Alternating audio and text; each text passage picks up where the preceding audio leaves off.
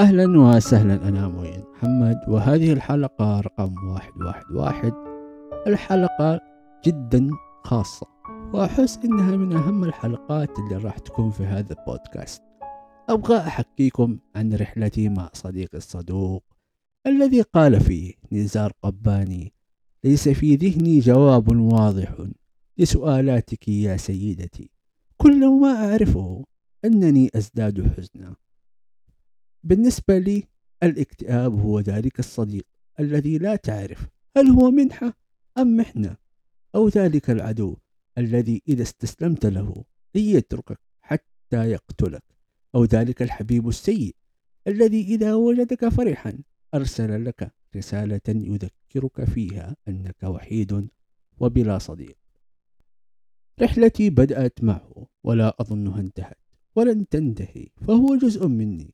ولا أخجل منه أو أخجل أن أعترف به أو أعترف أنه أصبح جزءا مني في فترات من حياتي ولكنني معه في حرب وأيام أخرى في سلام فأنا لا مهزوم ولا منتصر وكما هي الحرب سجال في الفترة الأخيرة من حياتي كان صوته عاليا هل رأيت؟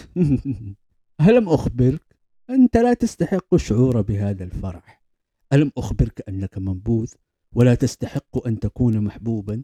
لقد تركوك لي وحيدا. يتعالى صوته هل تظن أنك ستنجو مني؟ أنت أيها المنبوذ الوحيد. أنا أنت وأنت أنا. ينخفض صوته وتتعالى أفكاره الشيطانية. هل هذه الحياة التي كنت تريدها؟ لا.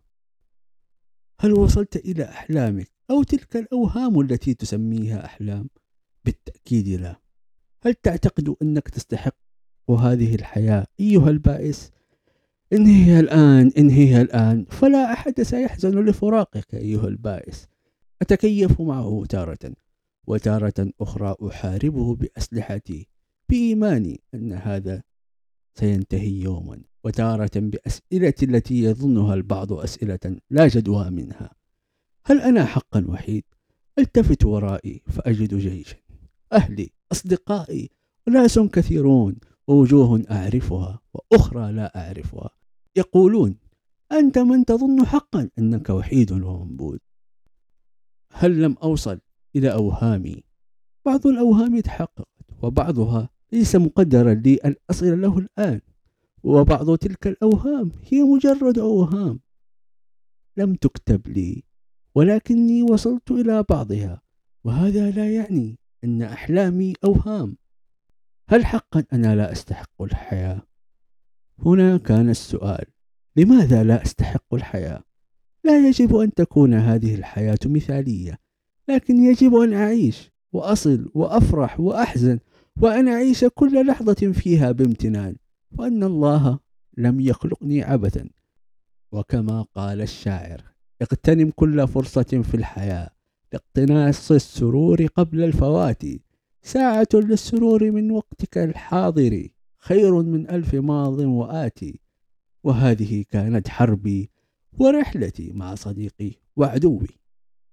إذا أعجبتك الحلقة لا تنسى أن تشاركها مع جميع من تحب وأن تقيم البودكاست في Apple Podcast و Spotify في أي محل تسمعني منه. أن هذا يفيد البودكاست في الانتشار ولا تنسوا أننا نتكلم عن كل شيء ولا شيء.